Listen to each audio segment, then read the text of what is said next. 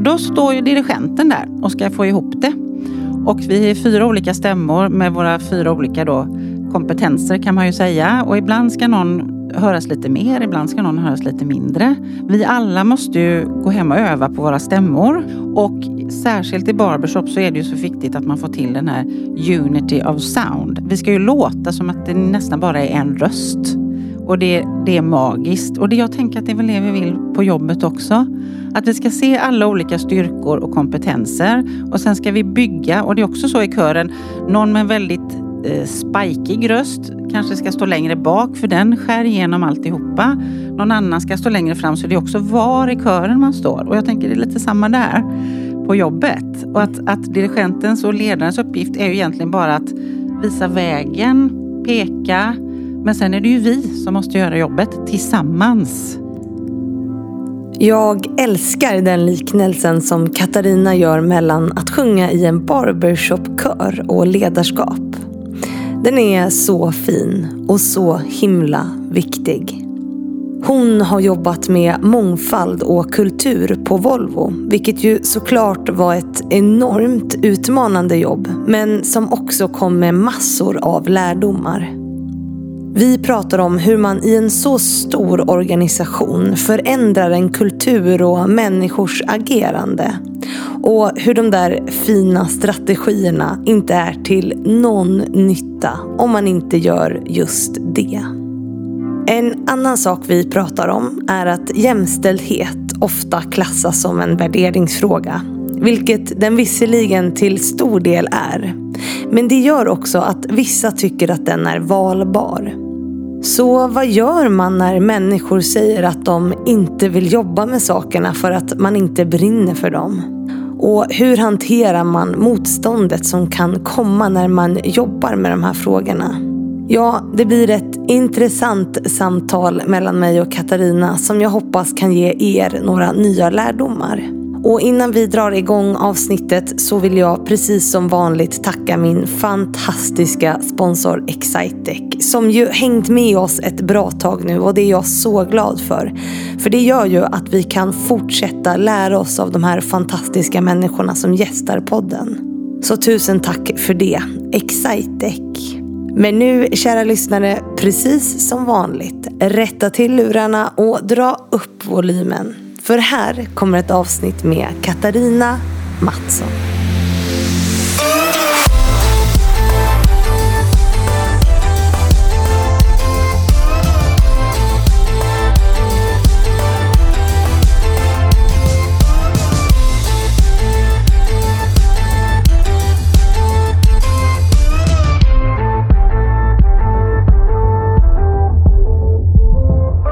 Så vi säger hej och varmt välkommen till Katarina Mattsson.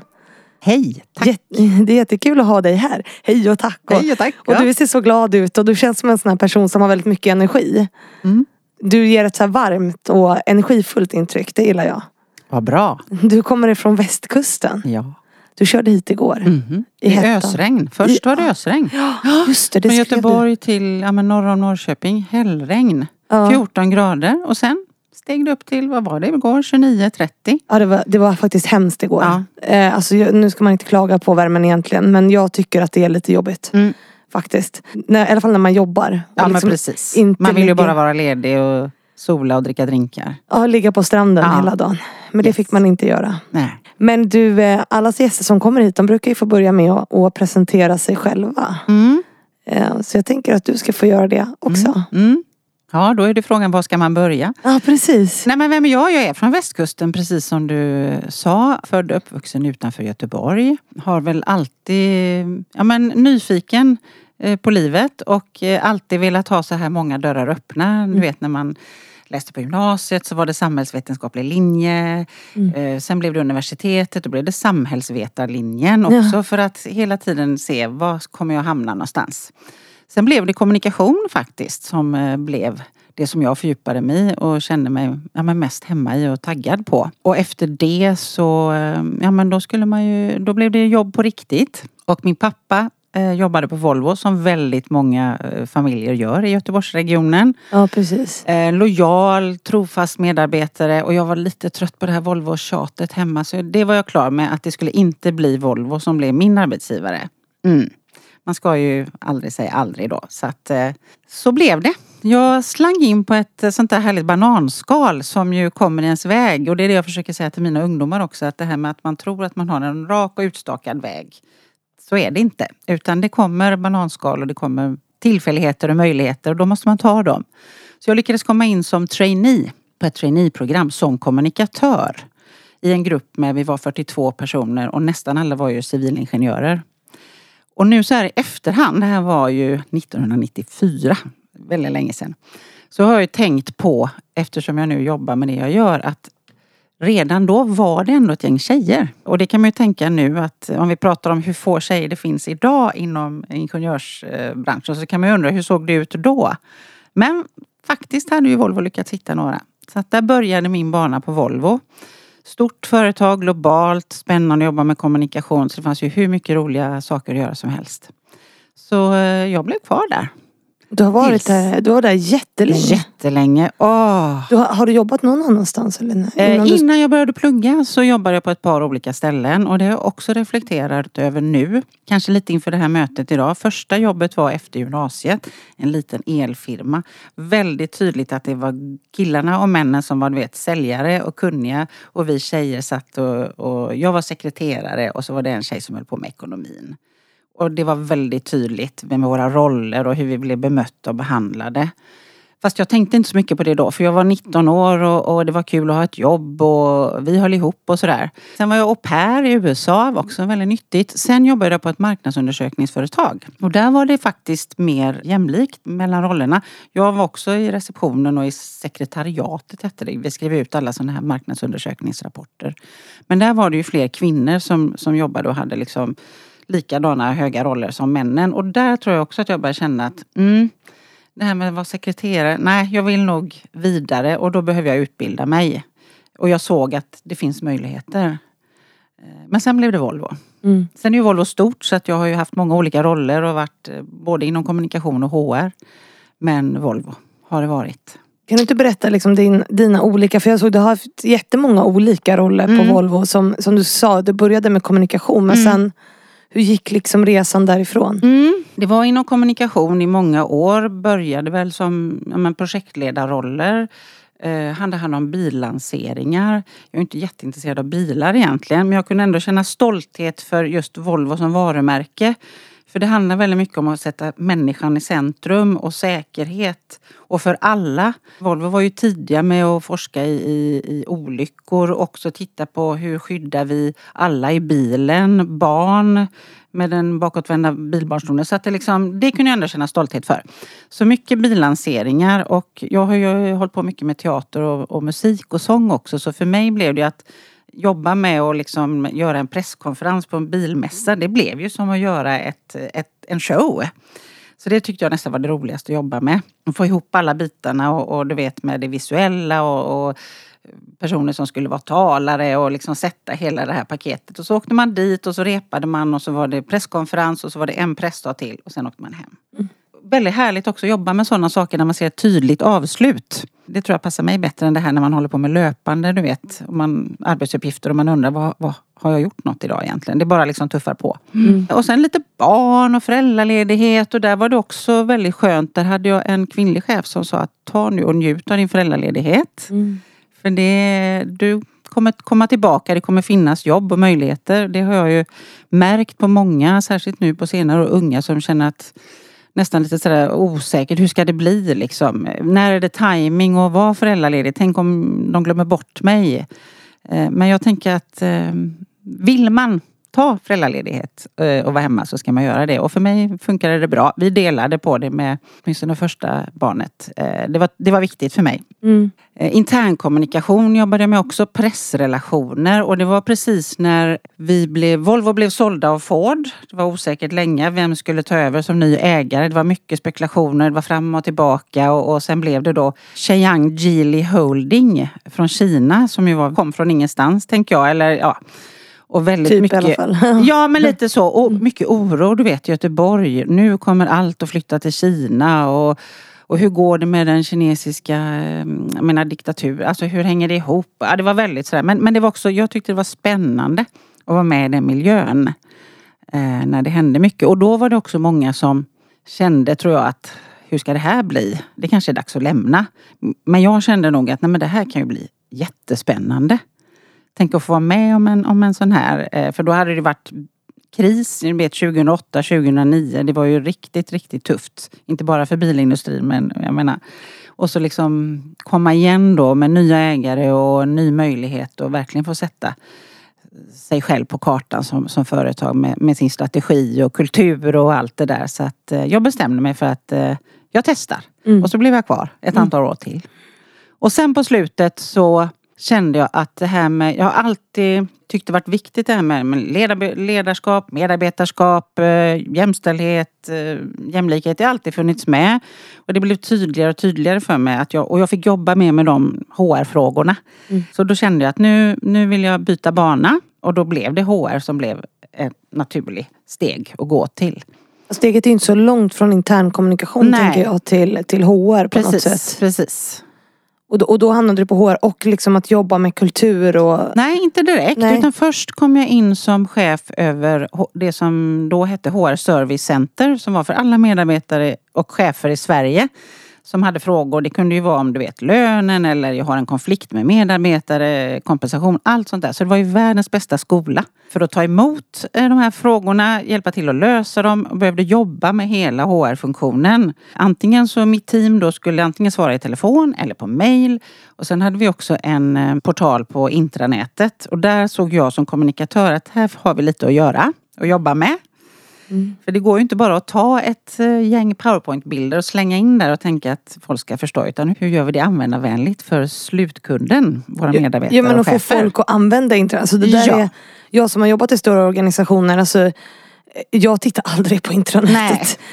Alltså, och, det, och det där är intressant också hur man måste anpassa liksom, intern kommunikation Mm. utifrån mottagaren. Verkligen. Som min chef, hon bara, ja men det där har stått på intranätet. Man bara, ja fast jag läser inte. Nej. För att jag funkar inte så. Nej, precis. Så då måste ju mina måste- ledare hitta ett sätt att kommunicera med mig så att jag Exakt. Får information. Sen är det klart att man ska anpassa sig. Eller liksom, men ah, det där tycker jag är så tröttsamt. Ja. Ja. förlåt. Men, Ja, nej men ingen fara, jag håller med dig. Ja. Och, och där måste man, ja men jag, jag tycker verkligen som du att jag tycker att många gånger så sitter man där på sin kammare och klurar. Mm. Så här vill vi göra. Istället för att då fråga mottagaren. Hur når vi ut till dig på bästa sätt? Sen är det klart att vi inte kan ha individuella lösningar men vi kan vara mer flexibla och vi kan ha mer olika lösningar som passar. Och där har ju också, tänker jag, tekniken gjort sitt. Nu när man kan spela in som du och jag gör nu. Eh, det sista jag gjorde innan jag slutade på Volvo Cars det var ju att göra någonting liknande det vi gör nu tillsammans med en kollega. Vi gjorde en intern podd som vi började med under faktiskt pandemin. Nu hoppar jag här men det gör väl ingenting. nej nej nej, det är så det är här för- ni Ja. svarar bilder. Precis. Vi kände ett behov av att prata om hur mår vi? Hur har vi det? Hur, hur känns det? Eh, Det här att bara sitta hemma och, och allt det här. eh, Oav, liksom, vid sidan av det här praktiska, hur ska vi jobba och när får vi komma tillbaka till jobbet och allt det där. Så vi startade en liten podd som vi kallade för We Connect. Och då kunde man ju lyssna på den när man sitter i bilen eller när man diskar. Eller, eller man, och man kunde också titta. För vi, vi filmade den också. Och Jag älskar ju det, så funkar jag. Det här med att lyssna och titta liksom, när, det, när det passar mig. Det är ju, så funkar jag. Men som sagt, vi är olika. Det behöver ju finnas, och inom HR behöver det såklart finnas en hel del som är nedskrivet också i form av, ja men du vet, policies och, och instruktioner om det. Om det är av den karaktären så att säga. Mm. Men sen blev det kultur och mångfald för hela slanten i fem år. Ja det är ju superintressant. Mm. Också på ett sånt stort bolag och liksom inom den branschen tänker jag. Som ju fortfarande är mansdominerad. Oh ja. Oh ja. Eh, ett jätteintressant steg. Mm. Det känns som att du hela tiden har varit väldigt, och det sa du i början, att du är nyfiken och liksom försökt att hålla alla dörrar Mm. öppna på något sätt.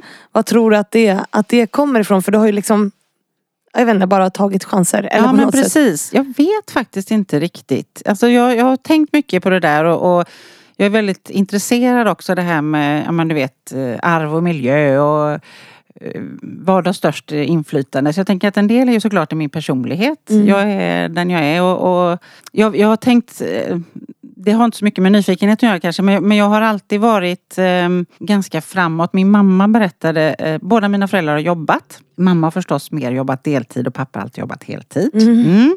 Men jag har också, där, där har vi haft mycket diskussioner kring att, att mamma har beskrivit varför de har valt att göra så och att hon har sett till, de har sett till att de ändå då du vet, pappa har lagt in mer i pensionen för att mamma har offrat sig. Så att det, det har jag haft med mig eh, Hela sen barnsben. Mm. Men jag har också då på dagis på början av 70-talet och det var ju inte så vanligt på den tiden. Och min mamma var lite orolig, hur ska det bli? Men jag stegade in där och styrde upp verksamheten. Ja, du gjorde det.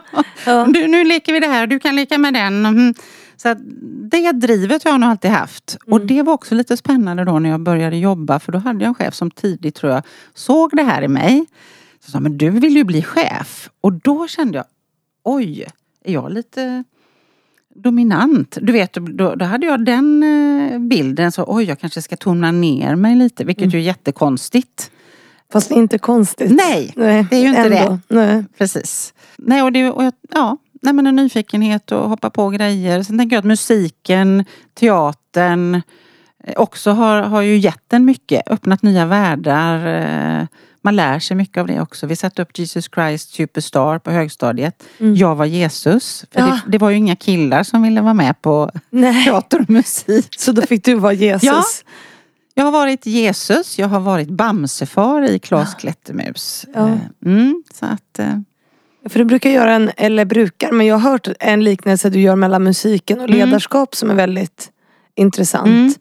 Vill du berätta Ja, den men också, hur det, liksom musiken och det har påverkat dig i din syn på mångfald och sådär? Mm, ja, nej men jag har ju min pappa har alltid varit väldigt musikintresserad så jag har alltid haft det med mig sedan barnsben egentligen. Och fantastiska kommunala musikskolan. Heja, heja! Att alla barn får möjlighet att prova på musikinstrument.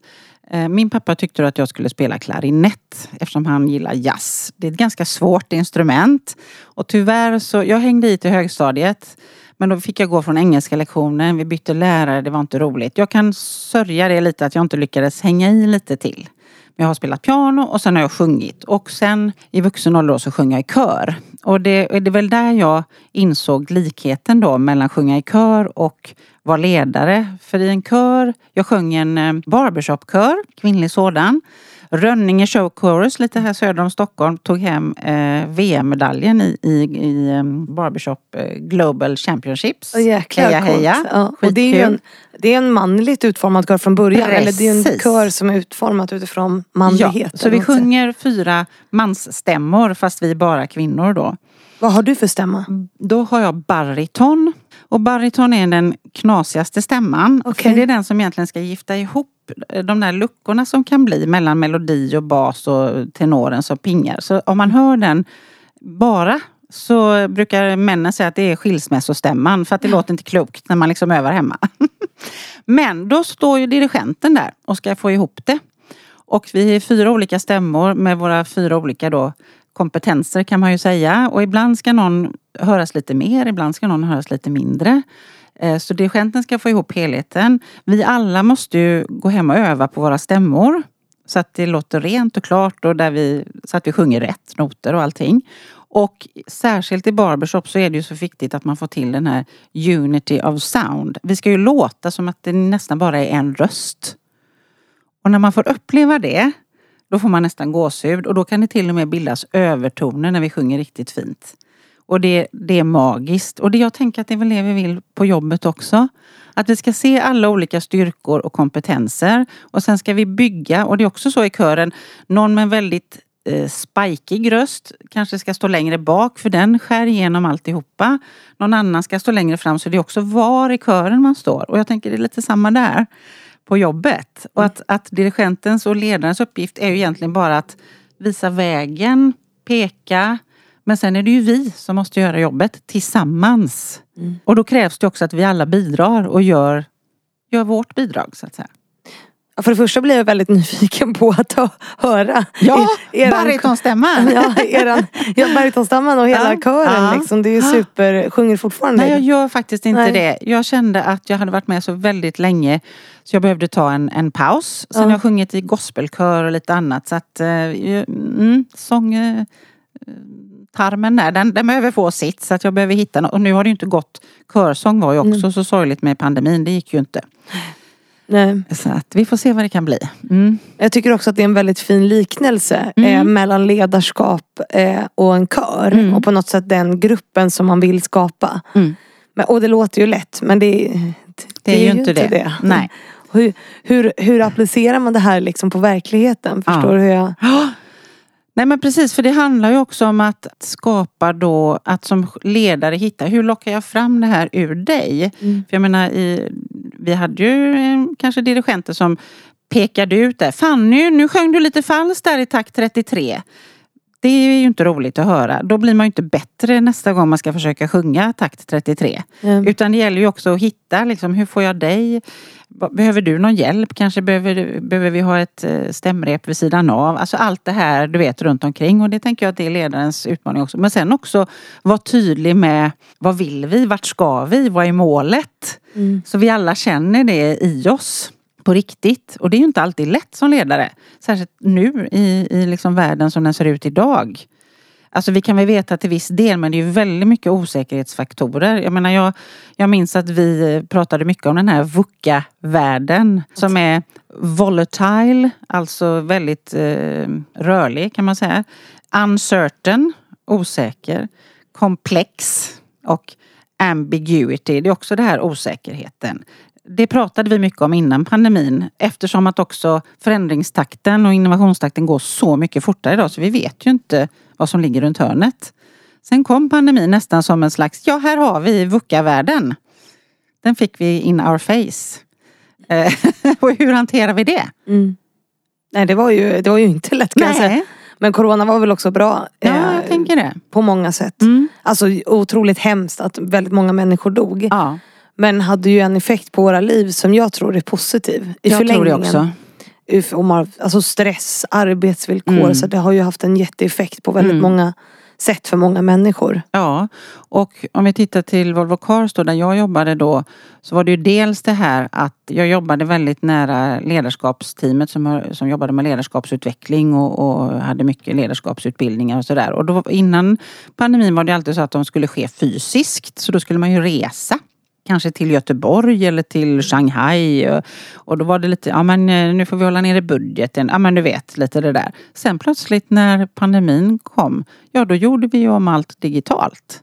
Så plötsligt kunde vi ju ha globala workshops och vi jag upplevde att vi nästan kom närmare varandra. För plötsligt kom vi också på samma villkor. Medan de som alltid hade fått sitta online innan när vi hade möten eftersom allt utgår från Göteborg och den svenska tidszonen när vi vill ha våra möten. Men plötsligt så blev det också att vi alla satt hemma, alla satt framför datorn. Så där kom vi närmare varandra upplevde jag och vi kunde nå ut till många fler vilket ju var jättepositivt. Och folk kanske också hade lite mer tid att lägga på det här för tyvärr så är det just de här mjuka frågorna som vi tenderar att, att tänka att det hinner vi inte nu och det är inte viktigt för månadsresultatet eller, eller halvårssiffrorna eller leveransläget. Och det är ju helt fel. Nej, vär- värderingsfrågorna upplevs ju oftast, ofta som liksom ett val. Mm. Alltså kan, att man kan välja att jobba med det när man liksom har tid som Mm. du säger. Och det är ju sinnes, fel. Det är ju helt fel och ganska sinnessjukt egentligen. Ehm, och vi ska prata mer om det där. Mm. Eh, för jag tycker att det är superintressant. Mm. Vi brukar ju prata om det i den här podden också. Ja. Men du har ju verkligen drivit det här jobbet i en stor organisation. Mm.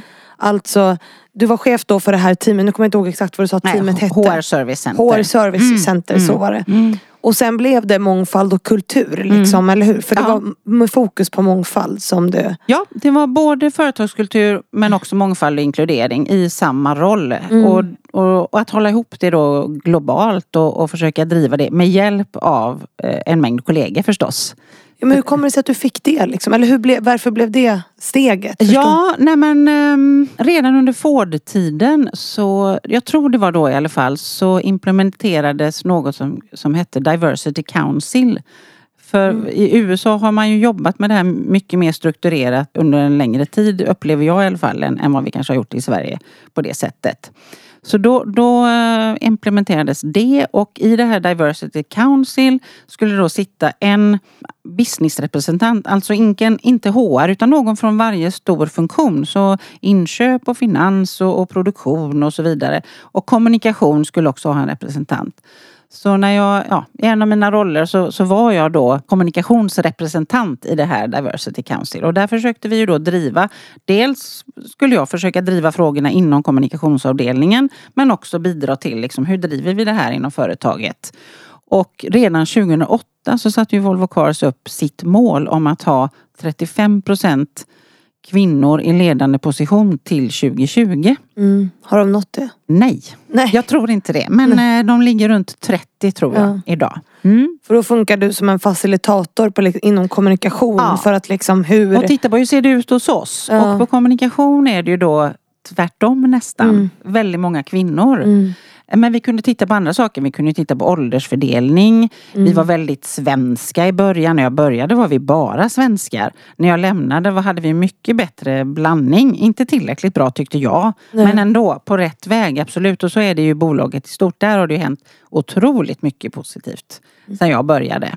Men också de lite mjuka delarna och vi jobbade också del med ledarskapet och sådär. Medan på andra enheter såg det ju verkligen inte ut så, såklart. Men jobbar man mycket med sådana här councils eh, i, liksom i Sverige idag? För jag tycker det låter som en skitbra grej. Ja, alltså jag tror att det ser lite olika ut. Man kanske kallar det också för lite olika saker. Men, mm. men åtminstone mm, upplever jag att det finns, eller så har det hetat Mångfaldsrådet. För mm. jag menar vi har ju också diskrimineringslagstiftningen och vi har, nu heter den ju aktiva åtgärder. För hette det en mångfaldsplan men nu, nu ska ju företag jobba med aktiva åtgärder. Så på något sätt måste man jobba med frågan. Men det är ju roligare om man kan jobba utifrån att se möjligheter och eh, liksom positiva utmaningar. Att oj, hur ska vi se till att vi inte råkar diskriminera någon? Det är väldigt liksom, tråkigt att ha det perspektivet på det. Så att, ehm, ja, men jag tror att ganska många stora bolag tror jag. Men jag tänker att mindre bolag skulle kunna göra det också. Jag vet inte om du delar min erfarenhet men att det oftast eh, hamnar man skapar ett sånt här mångfaldsråd eller en sån diversity and inclusion DI-grupp och mm. att det är nästan bara kvinnor som sitter i mm. de grupperna. Eh, har du sett det också hända eller hur? Ja och nej. Jag tyckte nog ändå att de åren jag var med eh, som representant så var det en ganska bra blandning. Mm. Men jag upplevde också, och från både män och kvinnor, en väldigt stor frustration att frågan var inte särskilt högt på agendan. Mm. När jag kom till HR så eh, märkte vi att HR hade just då ingen representant. Det var ju lite pinsamt. Så då fick jag frågan, kan du hoppa in? Ja, visst det gör jag. Gärna. Eftersom jag också är liksom, eh, superintresserad av frågorna ändå. Så sen då när den som var ansvarig för den här rollen skulle lämna så fick jag frågan om jag ville ta över. Och då vet jag att när jag berättade det på ett sånt här möte så var det en, en kollega som jobbade inom konstruktion och utveckling. Han bara, men Katarina ska du verkligen ta på dig det här uppdraget? Det är ju liksom mission impossible. Mm. Du kommer ju bara liksom stånga huvudet i väggen. Men då kände jag att Mm, fast jag kan ju också sitta och gnälla och säga att det händer inget. Eller så kan jag prova då. Och sen kan jag säga att jag har i alla fall försökt. Mm tänkte att det får bära eller brista. Och det här är ju drömjobbet. Alltså det, det, var, det är det roligaste jobbet jag någonsin har haft. Mm. Det är jättekul att du, att du tycker det. det här lite och stång är huvudet blodigt på något ja. sätt. Men var börjar du någonstans då? Alltså mm. jag tänker, en sån, nu får du en ny roll, du ska jobba med kultur. Mm. Jag tänker att just eh, den här branschen har ju ett jäkla kulturarv. Mm. Tänker jag. Mm. Eh, som är ganska macho, som är ganska mm. Eller jag kanske har fel. Nej, nej. Det, det, finns absolut allt det där. Och just bilindustrin är ju tyvärr väldigt så mm, gammalmodig och som du säger macho, eh, mansdominerad och mm. det som det för med sig. Det är så många led i det. Det är ju dels mm. här kulturen internt på ett företag mm. som är macho, eh, liksom machokultur tänker jag. Det är mm. i alla fall min fördom eller min mm. syn på det. Och också ut gentemot kunder. Alltså jag har haft jättemycket debatter, med, eller debatter men eh, på sociala medier om det här när man köper bil. Mm. Eh, hur bemöts kvinnor mm. och män ute i så jag tänker att det är ju något som du påverkar mm. i ditt jobb eh, också. Så det finns ju så många bottnar i den här frågan just i den här branschen. Ja.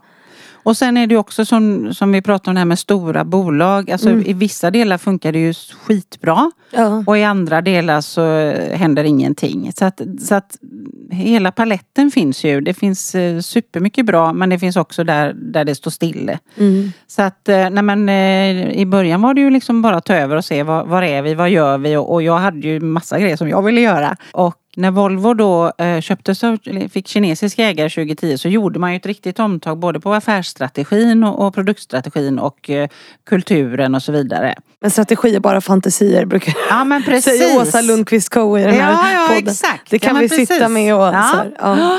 Och då var kulturen var liksom tre ben och den var ganska mycket jag.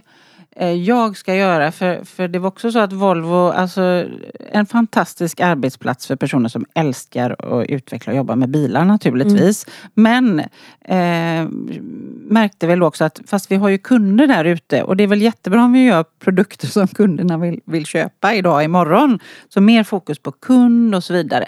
Men det var väldigt många meningar och du vet, eh, jag tänkte det är ingen människa som kommer ihåg det här eller som kan liksom känna det i sig. Eh, så jag var väl lite inne på att ska vi inte göra ett omtag? Nej men det, det här funkar. Men sen plötsligt så det var väl efter eh, ja, men nästan tio år där så kände man att ja, fast nu är vi inne i någon slags transformationsfas här och vi behöver se över kulturen också så att den liksom lirar med det vi känner att hit ska vi. Mm. Vi behöver göra det enklare och tydligare. Så då jobbade vi ett team jätteintensivt med att liksom forma kulturen. Och det var häftigt. Och då hade vi ju med unga, vi hade med olika avdelningar, ledningsgruppen, styrelsen fram och tillbaka. Och Vi frågade dem eller? Ja, och eh, vi, vi tog in input men vi liksom visade också så här, tänker vi? Och så fick vi, ja det här är bra. Mm. Vi höll på ganska länge och intensivt. Mm. Och man fick liksom insikter utifrån så att Ja. inte ni satt... Nej, precis, Nej. precis. Sen kunde vi säkert gjort ännu mer av det men jag upplever ändå att vi, vi gjorde det tillräckligt bra. Vi fick ner det till liksom tre väldigt kärnfulla påståenden som, som jag kände också för. Så då blev det en we-kultur. Så då blev det we, nu ska vi se om jag kommer ihåg det här. We are curious. Mm. We create together. We make the difference. Mm. Och jag är väldigt stolt över the, för det var faktiskt jag som tyckte. Ja. Istället för a difference. Ja, the difference. The difference. Och sen hade vi lite underrubriker att ja, men vi ska vara nyfikna på varandra. Vi ska jobba ihop och vi ska vara nyfikna på också våra, våra kunder. För i ett stort bolag så har vi ju internkunder också. Mm. Men det är väldigt lätt att det blir vi och dem. Det upplever jag när jag är ute och jobbar med andra bolag nu. Att det är det, det, är det första som kommer upp. Vi har för mycket vi och dem. Vi på kontoret, de i fabriken. Vi på design, de på konstruktion. Alltså det, det blir ju så. Men där behöver man öppna upp. Och sen då att man måste ha roligt. Och den eh, stred vi för ganska hårt faktiskt upp till styrelsen också. För det är många som tyckte, "Men kan ju inte skoja till det på jobbet. Vi jobbar med allvarliga saker här. Ja, precis. Hallå! Mm. Fast har vi inte kul på jobbet, då funkar det inte. Det är min bestämda uppfattning. Så att eh, det blev bra. Och den, peppar peppar, den lever kvar. Mm. Vilket betyder att den också på något sätt satte sig. För det är också så här med kultur att det är inte så att nu lanserar vi den, ja, där Så är är den. klart. Nej, utan det här är ett ständigt arbete.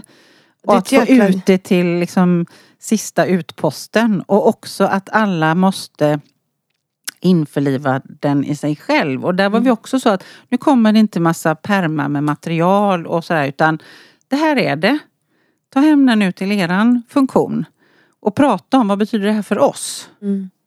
Hur ska, vilka är det vi ska samarbeta med? Hur ska vi göra det? Vad, vad är det vi bidrar med som, där vi känner att vi gör skillnad? För det ser ju så olika ut också om man är inom eftermarknad eller om man är på eh, ett säljbolag i Taiwan eller om man jobbar på eh, bandet i Torslanda. Så att man måste göra den till sin då. För att den ska kunna levas. Ja, för det är ett, ett jättejobb att förändra en kultur och det tar Ja. ju liksom tid. För det Mm. handlar ju om att få att förändra människors ageranden. Mm.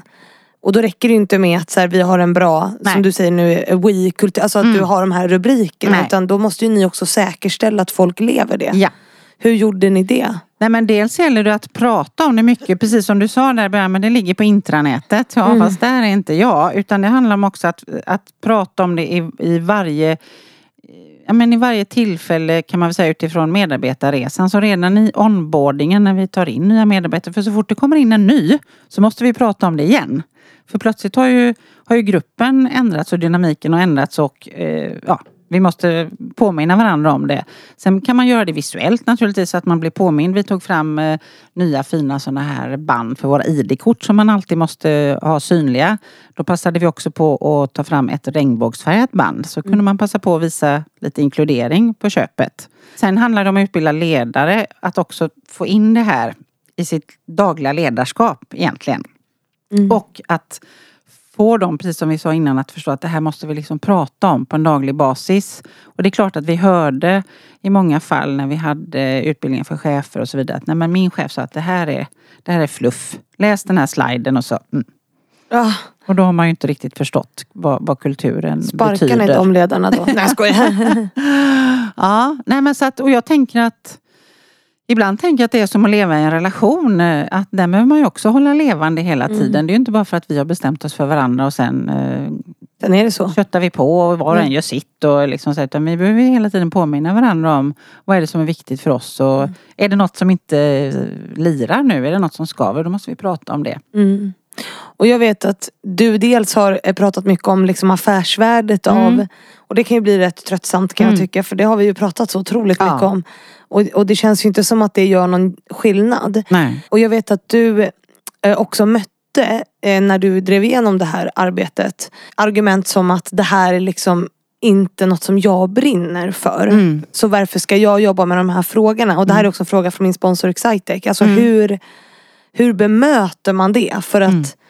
Det här får, eh, får jag ofta höra och jag får också ofta höra att jag, jag ska göra saker gratis för att jag brinner för det. Ja. Så det är ju som, eh, alltså det är ju, ja, vad gör man när någon säger jag, jag vill inte jobba med det här eller det är fluff i en powerpoint Ja. som du sa för det är ju samma sak egentligen. Ja. Eh, Nej men jag håller med dig. Jag blir, jag blir väldigt provocerad av, av de kommentarerna. Eh, och jag tänker att det bottnar i att, att för många är detta, det är en värderingsfråga. Mm. Det är en åsiktsfråga. Och då vill jag försöka vända det till att eh, Ja, du kan ha åsikter om det naturligtvis, men det är också vetenskap och det är fakta och det är bevisat att Mm. vi blir bättre på väldigt många sätt om vi jobbar med detta. Så någonstans gäller det, och särskilt om du är på en arbetsplats. Jag har väl massa personliga tyckande och åsikter om ditten och datten men nu är jag ju på, på arbetsplatsen och då får jag ju gilla läget och, och är jag dessutom en ledare Mm. så har jag ett ansvar att, att driva de frågorna som, som ledningen har bestämt att vi ska driva och prata om. Blir det för jobbigt för mig med mina interna värderingar, ja då får jag väl byta arbetsplats då. Det kan vi ju göra faktiskt. Så jag tänker att där handlar det väl om att både bemöta med kanske då ja, men, fakta och liksom att det här är eh, en vetenskaplig grund. Jag tänker genus och, och jämställdhet och varför det ser ut som det gör mellan män och kvinnor i samhället, eh, könsmaktsordningen och så vidare. Och också att ja men vi kan ha åsikter men de får vi lägga åt sidan här nu. För att nu ska vi jobba med detta. Mm. Och det är en viktig fråga. Mm. Men det är inte lätt. Nej det är inte lätt och jag tycker att det är så trist att vi alltid måste så knyta det till affärsvärlden Mm. när vi ska sälja det upp till högre positioner. Något, något jag har märkt, för jag är ute och föreläser en hel del Mm. eh, om de här frågorna och har varit ute hos hos liksom mansdominerade företag ganska mycket. Mm. Vilket är väldigt intressant. I Mm. början var det väldigt nervöst. Ja. Eftersom jag i början pratade mest för kvinnor. Men nu Mm. börjar fler och fler företag ta in mig. Mm. Och, och jag märker att det händer något hos de här männen som jag pratar för. När de liksom får höra verkligheten. För jag berättar Ja. ju så här, så här är det för kvinnor. Ja. Och det är inte jag som hittar på det. Nej. Utan jag har intervjuat över liksom nu 200 kvinnor. Jag har Mm. så här 22 000 nästan bara kvinnliga följare på sociala Mm. medier. Som alla vittnar om att det här är verkligheten. Mm. Det är väldigt få kvinnor som säger så här, nej det här är inget problem. Mm. Liksom. Och då händer det något. Ja. Eh, och, och det undrar jag så här, hur Är det något man kan använda nu tänker jag din roll som intern kommunikatör Mm. också som att driva de här frågorna Mm. liksom med mångfald och kultur. Det här blev en lång utläggning. Mm. Nej men Eh, absolut. Hur, hur gjorde ni det på något sätt? Ja men eh, ett exempel kan jag ta. Det var i fabriken då i Torslanda. Där det ju, är, det, är det någonstans i macho så är det där. Och det Mm. hänger ihop med miljön och allting tänker jag. Sen är det en fantastiskt fin fabrik på väldigt många sätt och jag önskar att alla kunde komma dit någon gång och besöka för det är verkligen inte sådär smutsigt och bullrigt och skitigt utan ja, jag älskar att vara i fabriker för det är ju där bilarna är. Men där hade man en inkluderande ledarskapsutbildning för alla sina ledare. Från teamleader och supervisor och, och hela vägen upp till fabriksledningen. Och den var obligatorisk. Det var fem moduler och kunde man inte gå så fick man gå en uppföljningsmodul. Och då jobbade man ju på djupet med de här frågorna i, i moduler och där, eh, inte första tillfället men kanske tredje, kom det ju historierna från kvinnorna. Mm. Och det var ju en total överraskning för männen. Där kvinnorna beskrev hur de har fått anpassa sig, eh, sänka rösten. Vi pratade innan du och jag om att vi har bra röster för vi har Mm. ganska mörka röster. Eh, kvinnor som har ljusa pipiga röster direkt tas ju inte på lika stort allvar tyvärr. Kroppsspråket, eh, peka med hela handen, eh, hur man agerar. Eh, Till och med så, så att deras familj kunde säga att men vad har hänt med dig? Vi känner inte igen dig längre. De nästan liksom fick ändra sin personlighet Mm. för att bli lyssnade på och respekterade. Och det är ju inte klokt. Nej. Men de här männen hade inte sett det, de hade inte fått fatta det. Så de fick verkligen upp ögonen för det. Så jag tänker, ja men det vi har pratat om hela tiden, att, att prata om det att, och att lyssna. Det tänker jag. Mm. Ja för det är så lätt att hålla saker ifrån sig när man liksom inte behöver uppleva det själv Nej. på något sätt. Då är det ju lätt att bara stå Mm. titta på. Ja. Men, men också, för den här diskussionen har vi haft här förut. eh, För jag tror ju att det behöver skava lite. Mm. Att riktig förändring kommer när det känns Mm. på riktigt. Du måste gå utanför din komfortzon. Ja, men, men sen är det vissa som påstår då att förändring, alltså att det inte kan skapas genom att du liksom, jag vet inte, väcker lite känslor. Eller förstår du? Jag menar Ja, att, men jag- att, ja. att då väcker man mest motstånd. Men jag tror ju också på att väcka det där motståndet. Absolut. Alltså för får du ingen motstånd så, så, så här, nej, då är ju alla bara med. Ja, nu gör jag situationstecken fast det inte händer något. Nej men precis. Och jag, ja, men jag tänker också så att, för det handlar ju om känslor. Ja. För som du säger, vi har faktan. Vi vet att vi blir mer lönsamma och framgångsrika och kreativa och innovativa på att fatta bättre beslut. Så egentligen är det så, men varför gör vi inte det då? Nej, för att det handlar om våra värderingar, våra känslor. Och jag tänker att i vissa fall kan det handla om, ja men som man till exempel, men vad ska hända med mig då? Ja. Ska jag gå åt sidan då? Mm. Vad ska jag ta vägen? Eller så säger man, men det, jag har aldrig upplevt det. Nej, för du har inte sett det, för du har inte haft de glasögonen på dig. Nej. Eller så säger ju en del män då, för vi har också haft samtal med ja, men, lite yngre kvinnliga medarbetare som beskriver sin vardag. Hur de kan sitta i ett möte, eh, ingenjör från KTH och få frågan då från en manlig kollega, men kan du någonting om det här? Mm. Varje dag. Mm. Och då säger den här manliga chefen, men nu måste ni ju säga ifrån. Ja, fast man kan ju inte sitta och säga ifrån tio gånger om dagen. Nej. Då blir man ju den där gnälliga typen. Det kräver att människor står upp för varandra. Ja, precis. Eh, Och jag vill knyta, för eh, det här tänker jag hur för min fråga är hur ni har gjort det här på Volvo eller Mm. när du var där. Mm. Därför att just det här med motstånd, jag tycker att det är så intressant att och liksom bottna lite i det. För jag har ju eh, en digital plattform som är ganska för ledarskapsutveckling och kulturutveckling väldigt kopplat till kön. Mm. Där vi ställer frågor som faktiskt eh, provocerar en del. Alltså Mm. att i mansdominerade, när vi har testat det på företag som är mansdominerade så kommer det upp väldigt mycket motstånd eh, med eh, män som blir lite kränkta. Som tycker att så här, det här är hemskt. Alltså du vet för Mm. att det känns. Mm. Eh, Men det som är så bra med det tycker jag det är att man får upp så här, ja men det här motståndet kommer vi möta. Mm. Nu vet vi inte vilken specifik person det är för att man är anonym. Mm. Men vi får in argumenten. Mm. Typ eh, kvinnorna har bättre chanser för att vi, vi vill ha fler kvinnor i ledande positioner. Mm. Så då är det ju lättare att vara kvinna i vår organisation. Mm. Och det är ju inte förankrat med verkligheten. Mm. Om man är 2% kvinnor på ledande positioner.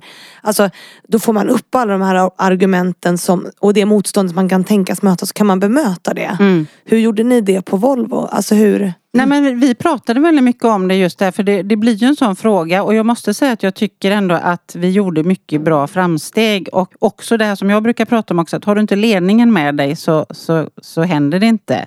Och där tyckte ju Volvos ledning att det gick för långsamt. Ja. Så man vill ju ha ett 50-50 mål istället för de här 35 procenten. Liksom, för egentligen, det är ju det det handlar om. Varför ska det vara 35, liksom 65? Det är klart att det ska vara 50-50. Och då kommer vi in på kvoteringsfrågan. Mm. Och många kvinnor som kunde uppleva då att ja, men du har ju bara fått den här positionen för att du är inkvoterad. Men då får man ju liksom utbilda och prata om och visa på argumenten varför det är bra med, med mångfalden och, och, oavsett om det är kön eller vad det är egentligen. Eh, och sen får man eh, jobba lite mer med de som man kanske behöver bemöta extra mycket då. Och som du säger visa på de här exemplen hur vi agerar och beter oss. Vi pratade ganska mycket om det här med unconscious bias, våra omedvetna föreställningar, hur lätt det är. Och där samma sak som du sa, egna exempel från vår egen verksamhet. Mm. Där man hör den här, nej men vi frågar inte henne om den tjänsten för det är nog en för tuff miljö för henne. Ja fast så kan vi ju inte tänka. Och då Nej. gör vi det av någon slags omsorg, tänker vi. Istället för att säga att vi ställer frågan till dig och så får du själv bestämma om du tror att du fixar detta. Och säger du ja, men då får vi också se till att, att ge dig om du behöver en mentor eller stöd eller whatever. För det får ju männen också när de ska gå in i en, i en högre position. Eh, Fast då pratar vi inte om det på samma sätt. Nej. Och sen absolut män som tycker att nej men nu anställer vi ju bara kvinnor fick jag höra. Mm. Eh, Och det är ju för att man plötsligt ser fler kvinnor omkring sig från noll till tre kanske. Så tycker man wow, nu tar de över. Och det är Ja, orättvist. det är orättvist. För då blir man förfördelad. Ja, precis. Plus att i den svenska diskrimineringslagen så får vi ju positivt diskriminera just när det gäller om vi ser att vi kan öka till en bättre könsbalans. Mm. Och ändå går det så jäkla långsamt. Alltså vad tror du att vi behöver göra för att det ska bli för att det ska gå fortare? Förstår du? Jag? Ja, alltså jag, jag önskar verkligen att jag hade svaret på den frågan. Jag tänker också att vi måste flytta fokus från kvinnor och till männen. Mm. Männen. Män, var är ni? Ja precis. Det är ju inte vi som är problemet som ska lösas utan det är ju faktiskt att vi behöver Ja, men den amerikanska eh, politikern Shirley Chisholm som var en av de här tidiga eh, kvinnoförespråkarna. Hon sa ju det. Om det inte finns någon stol vid bordet, ta med en liksom, fällstol och, och knö dig in och sätt dig. Men jag tycker också att männen måste dra ut stolen och säga här finns en plats till dig. Mm. Vi måste lösa det här tillsammans. Sen är jag övertygad om att det också handlar om att vi lever i ett patriarkalt samhälle och det har vi alltid gjort. Jag har lyssnat mycket och läst mycket av Nanna Gillberg, en, en forskare på Göteborgs universitet som Ja. har skrivit en jättebra bok. Du har säkert läst den också. Ja.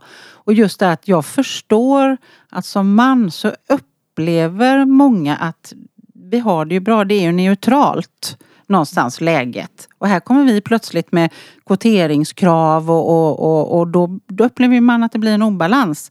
För när man lever i, i, i den privilegierade delen så ser man ju inte hur det är för alla oss andra Nej. som behöver kämpa. Och alltid då vara bättre i skolan eller höras mer eller synas mer. För tjejer är ju oftast lite tystare i skolan och, och killarna får ta plats. Alltså hela det här. Det börjar ju jättetidigt. Det börjar jättetidigt. Sen tycker jag, jag har ju um, ungdomar i, i 20 till 30-årsåldern nu. Så jag, alltså det är ju en helt annan dialog idag än vad det var när jag var i den åldern. Jag var inte alls lika medveten. Jag hade väl någon svag eh, aning och känsla sådär men, men Att det var lite fel på något Ja, sätt. att det var lite fel och Ja. lite orättvisor i världen och sådär och så. Men, men eh, nu är det ju en helt annan agenda där, där mina barn befinner sig. För det där är också väldigt lurigt, Mm. tänker jag. Att vi är ju i våra cirklar. Både på nätet, i filterbubblor och så vidare och där vi alla tycker samma. Och även i våra sociala cirklar. Och, och eh, många av mina bekanta och folk jag möter säger men alla ungdomar idag de är ju så fina och öppna. Ja, Fast det är ju inte heller så. Utan det blir ju också ett, ett, en större polarisering både i Sverige och i världen som är väldigt oroväckande tycker jag. Mm. Som vi också måste göra någonting åt. Ja, men också att, att den yngre generationen eh, också formas Ja, efter den äldre. Alltså det är ju någonstans där som en äldre generation behöver ta ansvar och Mm. så här börja utmana sina värderingar. Och där, där, jag vet inte, jag tycker att det är så himla svårt. ja. Så här, hur gör vi det? Alltså för att det är ju, ah, vi kommer inte lösa den här frågan idag. Men, Men liksom att, att eh, en äldre generation har ett ansvar där. För det är Mm. de som formar den yngre. Det spelar ingen roll hur bra de är. För det ser vi också i undersökningar. Att så en av fyra unga män tycker att kvinnor överdriver det här med ojämställdhet Ja. till exempel. Mm. Och, och det är ju antagligen, tänker jag, för att de formas av en äldre generation. Mm. Och sin omgivning och, och de, de de hänger med och umgås med och det de läser. Och, liksom, och så bekräftar man ju det man själv vill höra och se. Ja för vi utvecklas ju i, i alla möten med människor. Så i varje, det, det sa Åsa Lundqvist när hon var här att så här, när du och jag går härifrån idag så är vi nya människor för att vi har Ja. och, och det är ju det som påverkar oss varje dag. Därför kan vi prata strategier och vi kan Ja. prata hit och dit. Men att det i slutändan handlar ju om våra ageranden. Ja, absolut. Jag tänker att det handlar mycket om det eh, som vi har pratat om här flera gånger, att vara nyfiken. Mm. Och att vara så att säga öppet nyfiken och inte dömande nyfiken. Nej. För det är väldigt lätt att jag direkt går in. Jag, jag märker det när jag är förälder. Att jag har ju väldigt lätt när min dotter pratar om någonting nu så, ja fast nej du vet och så. Istället för bara lyssna. Ta in det. Mm. Och jag kan ibland känna att "Ah, jag orkar inte lära mig det här. Jag är liksom färdig, jag är 55 år. Men jag tänker också att fast jag måste vara lyhörd. För jag kommer lära mig något nytt. Eller jag kanske måste ompröva en tanke som jag har haft sen innan. Jag såg en jättefin, ett jättefin dokumentär av Tom Arland om eh, staden Ronneby nere i Blekinge. Vi har sommarhus där så att Blekinge ligger lite extra varmt om hjärtat. Och ett, en, en småstad som fick ta emot väldigt mycket flyktingar då 2015-vågen. Och det, det blev svårt och övermäktigt och det blev förstås lite bråk och, och, och grejer och sånt som som eh, levde, höll på men sen lyckades man då med alla gemensamma krafter, polis och myndigheter och socialtjänst och allt, liksom komma till rätta med det. Men det här oron att man inte kan gå ut på kvällen och sådär, många äldre, den fanns liksom kvar. Och så intervjuade han en 95-årig man som gick med sin rullator där på lilla bygatan. Och sa, ja, eh, du är ute och går på kvällarna, du är inte orolig? Nej, jag är inte orolig. Nej, men eh, Ronneby har ju förändrats så mycket under årens lopp. Ja, det har jag också, sa Ja. han då. Och det tänker jag, det är så häftigt. ja. Att Fin när man är inställning. 95 år så känner man att jag har också ändrat mig under årens lopp. För det gör vi ju. Mm. Ja, hela tiden. Ja. Och Och de som jag är rädd för, det är de som stannar. Som Mm. inte vill. Jag tänker att vi behöver tvinga folk in i lite nyfikenhet Ja. på något sätt. Alltså för det kommer ofta upp här att så här, nyfikenhet och samtal och att Mm. Ja. det så här, är nyckeln till så otroligt mycket. Och det där måste man ju på något sätt, tänker jag, typ tvinga folk in Mm. i. Att faktiskt sitta ner med andra. Eh, Jag tänker vi skapar så sjukt mycket mentorskapsprogram kvinnor emellan och så här, nej men Mm. skapa mentorskapsprogram åt andra hållet. Tvinga ner folk i workshops, i Ja. samtal. Eller tvinga, men du fattar vad jag menar. Ja. Alltså att, Och att man inte får välja sin egen eh, adept utan sätta ihop två väldigt olika. För det gör vi också. Mm. Eh, vi väljer någon som man kanske känner igen sig i som när man själv var ung eller något sånt där. Så man tänker att man kan föra över all sin visdom till. Ja, precis. Fast det oftast är tvärtom. På Volvo till exempel så, så eh, jag tror de jobbar, jag, när jag vet att de jobbar med det fortfarande, eh, en organisation som heter Mitt Liv. mm. Som startade i Göteborg av fantastiska Sofia Appelgren. Nu finns på flera platser i Sverige. Och hon såg ju det här med utlandsfödda akademiker som ju bara inte kommer in på den svenska arbetsmarknaden. Det är ju katastrof. Ja. Det tar väl typ sju till nio år. En, en välutbildad läkare får ett taxijobb. Alltså det är ju, ja det är katastrof. Men de startade ju det här mentorprogrammet då så att företagen gick in som partners och så frågade vi medarbetare om de ville vara mentorer till de här personerna. För de kommer ju till Sverige, de har inget nätverk. De vet inte hur vi svenskar vill att CV ska se ut på ett visst sätt. Du vet allt det där. Hur gör man när man kommer på en anställningsintervju? Vågar man ringa upp och fråga hur går det? Jag har inte hört något. Allt det där. Och det är ju en fantastiskt sätt att lära sig. Eh, För mentorn kom ju ut och tänker jag nästan hade lärt sig mer än adepten i många fall. Jag var själv mentor åt en iransk eh, tjej. Det var, det var fantastiskt. Ja, häftigt. Och det är ju inte något jag hade gjort kanske så här utan det behöver man ju inte tvingas men kanske follas in i då eller vad man ska säga. Att, att få sådana upplevelser. Sen är det klart att de som räckte upp handen det är ju oftast de som redan är intresserade och nyfikna. Eh, Så där eh, kan man ju prata om att kan man göra det att man får en extra stjärna eller bock i kanten om man eh, satsar och gör sånt här. Att man visar att man är intresserad. Alltså man kan ju också lägga på lite incitament tänker jag. Att det blir lite ja men vad ska man säga, lite morot och lite, inte piska, men, men alltså lite så. Tänker jag. Ja, därför tänker jag att företag behöver, eh, nu har vi ont om tid kvar, men att Mm. företag behöver på riktigt avsätta en budget för det här. Ja. Att det inte bara är så en valbar värderingsfråga. Eh, utan att det ska så här löna sig att jobba med de här frågorna. För tyvärr så är det ju det som motiverar människor. Mm. Pengar. Ja, och att det inte heller är en HR-fråga. För det upplever jag ju också eh, på många ställen. Mm. Att det där det får HR lösa. Men, men HR är ju inte den som anställer eller som befordrar eller som beslutar. Utan det är ju cheferna ute i verksamheten som får det att hända. Eh, så det här måste mm, man förstå att det är väl det jag menar då att det här är ett affärskritiskt område precis som eh, inköpsstrategin eller liksom eh, budgeten eller, eller vad det nu än är. Så måste vi jobba med de här mjuka frågorna också. Jag tänker att ju mer också vi automatiserar och digitaliserar så är vi ju fortfarande vi människor behövs och vi blir viktigare och viktigare. Så om inte vi trivs, om inte vi känner oss sedda och respekterade och, och får de utmaningar som vi behöver för att komma vidare eller om vi vill stanna och göra det vi gör för att det är det vi gillar bäst så kommer det ändå inte funka för allt går inte att, att Automatisera. automatiseras. Nej. Faktiskt. Och det där tror jag, och vi har pratat om det lika länge också. Jag hörde på Kjell A. Nordström när jag var ny på jobbet. Han pratade också om att era människor är era viktigaste tillgång. Och det är lika viktigt idag. Så att ja, jag vet inte. Men sen i slutändan så är det ju pengarna som kommer först ändå tyvärr. Ja. Alltså, det är ju så, så hemskt. Mm, Eh, Men det är ju den världen vi lever i. mm, Eh, pengar, pengar, pengar. mm. Men därför gillar jag den här council-grejen. Som Mm. sa. Alltså att man har ett råd med människor från olika enheter. Mm. Liksom att det blir affärskritiska funktioner, HR som ju är en affärskritisk funktion men som Ja. inte behandlas som det. Nej. Fortfarande idag. Mm, Eller typ också marknad som inte heller precis. många gånger behandlas som en affärskritisk funktion. Exakt. Att, att man sätter alla sådana i ett råd och bara okej men vad gör vi? Ja, precis. Ehm. Och vad gör vi för att utmana liksom företaget i stort och sen vad gör vi inom våra olika verksamheter eftersom vi har olika förutsättningar där också. Det var ju så, finans, alltid bra där på siffrorna med kvinnor. Ja men ni kanske har andra utmaningar då? Ja det hade de ju såklart. Medan inom de mer tekniska och ingenjörstunga där, där brottades så mycket. Men vi såg också framsteg, alltså det gick framåt och det är också det där Får du fler kvinnliga chefer på tyngre positioner då får du fler kvinnliga sökanden. Så att du behöver ju ha förebilderna. Och du behöver ha de som verkligen talar och pushar. Inom eh, EMEA, liksom försäljningsorganisationen i Europa, så, så bestämde man sig där tydligt. Det är också det där klassiska, du vet, sälj som du pratar om, bil, bilhallen. Och även försäljningsorganisationen då i, i olika länder. Att vi måste ha in fler kvinnor, vi måste ha in fler olika. Inte den gamla vanliga säljkillen. Och när chefen, högsta chefen sätter ner foten, vet, näven i bordet säger det här är inte okej, kom tillbaka. Ja, då börjar det hända saker i leden. Men och visst var det också så, för ni gjorde ju en satsning på, vi har, som sagt vi ska avsluta nu.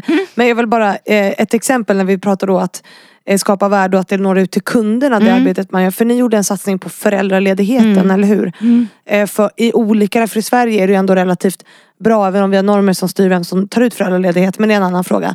Men vi har ju bra förutsättningar i Sverige att kunna vara föräldraledig. Men, men det finns ju inte i alla länder. Men Nej. så ni satsade på det här vilket gjorde att eller hur, en man kom för att hans fru hade sagt att Volvo gör det här så nu måste vi köpa en Volvo. Ja, och i det Schweiz. tycker jag, ja i Schweiz. Ja. Och det är faktiskt ett häftigt exempel. Ja. Och, och det exemplet eh, borde, borde ju spridas enormt mycket mer. Precis. Och sen tog vi ju det nästa steg. Det var det sista jag var med och jobbade med innan, innan jag lämnade då. Så nu, nu har ju Volvo en global föräldraledighetspolicy. Så alla medarbetare, oavsett var du jobbar i fabrik, vilket land, 24 veckors eller 6 månaders betald föräldraledighet.